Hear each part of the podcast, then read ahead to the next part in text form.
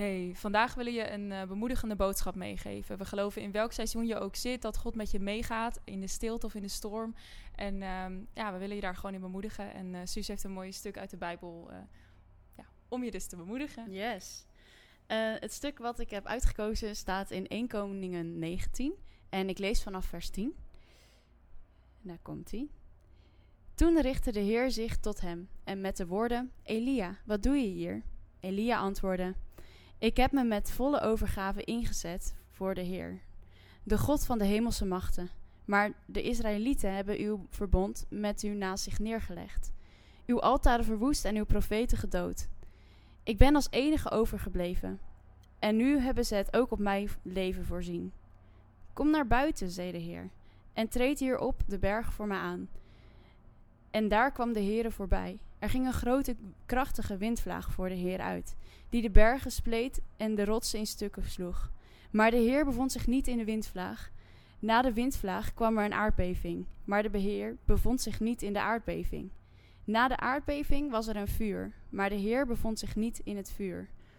Na het vuur klonk er een gefluister van een zachte bries. Toen Elia dat hoorde, sloeg hij zijn mantel voor zijn gezicht. Hij kwam naar buiten en ging in de opening van de grot staan. En daar klonk een stem die tot hem sprak: Elia, wat doe je hier? En ik vind het gewoon een heel vet stuk, omdat je hier uh, kan zien dat Elia eigenlijk zo hard werkt voor zijn koninkrijk, voor God. Hij doet zo hard zijn best en hij zegt gewoon: Ik ben ondertussen de enige voor, misschien voor zijn idee, misschien was het ook daadwerkelijk zo, um, die zich nog daadwerkelijk inzetten voor hem. En hij is een soort moe gestreden. Dat staat ook net in de context. Het is heel tof om helemaal te lezen. En um, weet je, God zegt gewoon: kom naar mij toe als je gewoon helemaal op bent en niet meer, als het niet mhm. meer lukt. En dan, nou ja, vervolgens komt natuurlijk al die, dat is een vrij bekend stuk, dat het in, uh, dat uiteindelijk God in die rust, in die stilte komt en niet in die harde windvlaag of die vuur, dat soort dingen, maar juist in die rust. Mm. En God werkt natuurlijk op allerlei verschillende manieren door de Bijbel heen, maar ik vond het heel tof om hier specifiek die rust te zien in die stilte. En um, ja, het is ook gewoon goed om daarom stil te zijn. Omdat je daarbij ook God makkelijker kan verstaan dan door in al die drukte. Hmm, absoluut, ja. En ik denk dat dat voor veel van ons best wel een uitdaging is. In ieder geval als ik voor mezelf spreek, dan zijn we zo vaak bezig met toch rennen, toch doorgaan. En niks verkeerds met rennen. Ik zeg altijd ga, volg je droom en, en durf vooral. Maar uh, we hebben ook echt wel een cultuur van we moeten door. En als het ene klaar is, mhm. dan meteen naar het volgende. En Um, ik denk dat juist we daarom soms ook ruimte mogen maken in onze agenda om stil te zijn en om ru de rust te zoeken, om God de ruimte te geven. Want als wij alleen maar vooruit kijken, dan ja, word je soms zo verzonken in alles wat je aan het doen bent. Raak je zo ja, onder de druk van alle dingen die je weer kunt doen. En je to-do-lijst is nooit afgelopen. Je kan altijd doorgaan. En uh, we zeggen natuurlijk vaak in de kerk van... Um, God die wil niet wat je doet, die wil jou, die wil wie je bent. En ik denk dat uh, we daar soms te. Die, sommige zinnen zeggen we heel makkelijk als christenen. Hè, van, nou ja, God, God wil jou, wil jou zelf, wil jouw hart. Um, maar als je beseft dat dat echt zo is, dan herken ik soms bij mezelf dat ik nog veel te hard aan het werken ben. Dat ik dan denk, ja, ik ben aan het werken in de kerk en ik doe dit en ik doe dat en ik doe dat. Maar soms juist dat even aan de kant zetten en zeggen: Oké, al zou ik niks doen, dan is God daar. Al zou ik super hard rennen, daar is God. En mhm. juist in die stilte, juist soms als je even dat, dat harde werken loslaat, ehm, dan kom je zelf zo dicht bij God. En dat is natuurlijk zijn verlangen. Want soms is het goed om even na te denken: waarom doe je nou wat je doet? Waarom ben je zo hard aan het rennen? Wat is je doel eigenlijk in je leven? Het gaat dan ineens gelijk heel diep, maar. Ehm, soms helpt dat om dat even te bedenken en dan te denken: ja, maar eigenlijk is het enige echte doel is dat jouw hart dicht bij God is, dat jouw leven dicht bij God is. En ja, natuurlijk het verlangen daarin om anderen daarin mee te nemen. Maar God verlangt eerst naar jouw hart. En ik denk dat dat uh, in de stilte dat je dat vaak, vaak tegenkomt. Ja, en ik moet zeggen dat zelfs stil zijn uh, soms kan voelen als moeten. Ik had een tijd dat ik dacht, oké, ik moet elke dag een uur stil zijn. Ik was echt uh, nou ja, de fanatieke mm. christen. Als in, ik wilde gewoon echt heel graag Gods stem leren verstaan en daar echt de tijd voor maken. Um, maar op een gegeven moment liep ik daar zo ontzettend tegenaan dat je zo'n druk schema hebt op een dag. En dat je dus zo ontiegelijk vroeg je bed uit moet om dat te kunnen volhouden. Mm. En dat is iets super waardevols. En ik heb daar super veel mooie momenten met God meegemaakt. Maar ik, ik liep er een beetje op stuk dat ik zo moest van mezelf en zo hard moest gaan dat ik eigenlijk hartstikke moe was. Oh, ja. En toen dacht ik, ja, dat is. Toen werd ook tegen me gezegd: Is dit nou het doel zeg maar, van stille tijd? Is dit nou de reden waarom je stille tijd houdt? Dat je moet van jezelf, je moet een uur stil zijn, anders ben je geen goede christen bijna. Mm. Ehm, toen dacht ik, ja, daar slaat ook helemaal nergens op. Nee, Het is ja. super goed en super belangrijk om stil te zijn, maar het gaat juist om die rust, de rust ervaren bij God. En niet eh, van, oh, als ik dit doe, als ik dus die stilte opzoek, dan ben ik een goede christen. Of als ik dat Mm. doe, super hard werken in de kerk en heel veel taken op me neem, dan ben ik een goede christen. Maar daar loop je het doel voorbij. Ja. Want het gaat erom dat je zeg maar de relatie met God aangaat. In Mhm. plaats van dat je, nou ja, stil bent om het stil zijn, zeg maar. Ja, Ja. ja. precies.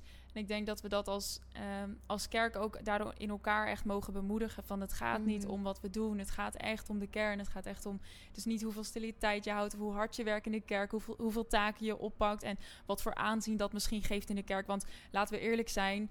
Ehm, soms dan zie je iemand op het podium staan en denk je... oh, ik wil die taak ook wel. Want daar, daar kijken mensen naar op en dat vinden ze geweldig. En als iemand een andere taak doen, doet die wat minder heeft... heb je dat misschien minder. Maar ja. Ehm, laten we daar ook scherp op zijn als kerk. En dat is ook echt ons verlangen, gewoon als die leidt, dat we ehm, ja, die, die standaarden, die cultuur die we in sommige dingen hebben gebouwd in de kerk. Sommige dingen zijn prachtig en hebben zoveel kracht, maar sommige dingen zijn echt. Ehm, leiden ons echt af van de kern. Dat geloof Mhm. ik echt. En ehm, ik hoop dat we dat gewoon als kerk daar elkaar aan kunnen houden. En ehm, dat we elkaar meer kunnen bemoedigen om inderdaad gewoon het zijn. In plaats van het perfecte plaatje in plaats van het moeten stille tijd houden, moeten een bepaalde taak doen of het geweldig vinden van het een, het minder vinden van het ander. Want we hebben echt alles nodig. En dat zeggen we vaak, maar ik meen het zo uit mijn hart. We hebben iedereen nodig en op elke manier. En ook inderdaad, nou ja, in de zin van bij God zijn. Je hebt het gewoon nodig om bij God te zijn. We hebben het nodig om opnieuw aangevuurd te worden. Dat we gewoon bij God zijn. En of dat nou is inderdaad of je een uur stil bent of muziek maakt. Of gewoon in je auto zit en zegt: God, ik ben hier. Ik versta u niet. Ik hoor u niet. Ik voel me leeg. Ik voel me alleen. Ook dat is bij God zijn. Ook dan ben je meer dan goed genoeg. En ja, Ehm, ik geloof gewoon dat we dat meer als eh, meer bovenaan mogen gaan zetten. Nog meer. En ehm, daarom willen we je er vandaag ook gewoon zo mee bemoedigen. Van, ook al zit jij misschien in je auto, of zit je alleen op je kamer, of ehm, zit je op de fiets, weet ik, weet ik wat je doet. Maar Of je bent onderweg van het ene Ja. snelle ding naar het volgende snelle ding, Ja. omdat je tijdsplanning te krap is. ja, precies. ja, herkenbaar. Wat ik vaak heb. Precies. Maar ook, Ja. dat, ook die tijden die je nu met God neemt, dat je nu de Mhm. tijd neemt om dit te luisteren, om bemoedigd te worden, ehm, dat zegt al heel veel over jou. Dus ik wil je echt bemoedigen. Ga zo meteen nog eventjes dat momentje met God nemen. Op wat voor manier dan ook. Of je nou boos bent of verdrietig of juist blij en dankbaar. eh, hoe je je ook voelt. Ja. Wees echt bij God. Laat je hart gewoon even liggen bij God. En dat is goed genoeg. Wat, Mhm. Hoe dat er ook uitziet. Ehm, ja, dus dat was even denk ik ons hart eh, Ja. naar jou toe vandaag. ja, en we hebben hem expres kort gehouden, deze podcast. En de reden daarom is omdat jij dan meer in actie kan komen. Als in actie juist in die rust te gaan komen. Mhm. Bijvoorbeeld dat je hem nu op pauze gaat zetten en zegt: Oké, ik ga of een Spotify-lijstje aanzetten met de favoriete worship muziek die ik heb, of gewoon random maar zoeken op worship en dat aanzetten. Of Mhm. gewoon helemaal stil zijn en gewoon je hart luchten naar God. Ehm, maar we willen juist die tijd niet volkletsen. Want Ja. de tijd die normaal gesproken hier, nou ja, een half uurtje, twintig minuten, dat je die tijd over hebt om juist die rust in te gaan. Ja. En daar tijd met God te besteden. ja, want we wilden dus een deel 2 maken over Gods stem verstaan. En eigenlijk kwamen we hierop. God moet gewoon de ruimte hebben om tegen jou te spreken. En Mhm. God mag gewoon op wat voor manier dan ook die plek van ons innemen. Daar, daar willen wij niet daartussen komen en, en dan gaan spreken. Maar laat God maar tot jou spreken. En ook al heb je het idee dat hij, ehm, dat inderdaad, dat je denkt, waar is God dan? Is hij wel aan het spreken? Het voelt zo stil. Ehm, laat het maar gewoon even zo zijn. Weet Ja. je wel, je hoeft niet harder te werken of meer je best doen om zijn stem te verstaan. Hij is bij je. Weet gewoon dat hij bij je is. En hij laat zich dan ook weer op nieuwe manieren zien. Maar ook dat je dat nog niet ervaart, is zo oké. Dus wees gewoon eventjes. Wees gewoon even jezelf. En ehm, ja, dat. Ja, Dus eh, we willen je bemoedigen in je tijd met God zometeen. En ja, wees daarin gezegend. We hopen dat je ja, een mooi eh, intiem moment met God hebt. ja. En eh, daarom gaan we ook gewoon lekker nu afsluiten. Heel veel zegen en tot eh, over twee weekjes. Yes. Doeg! Doei!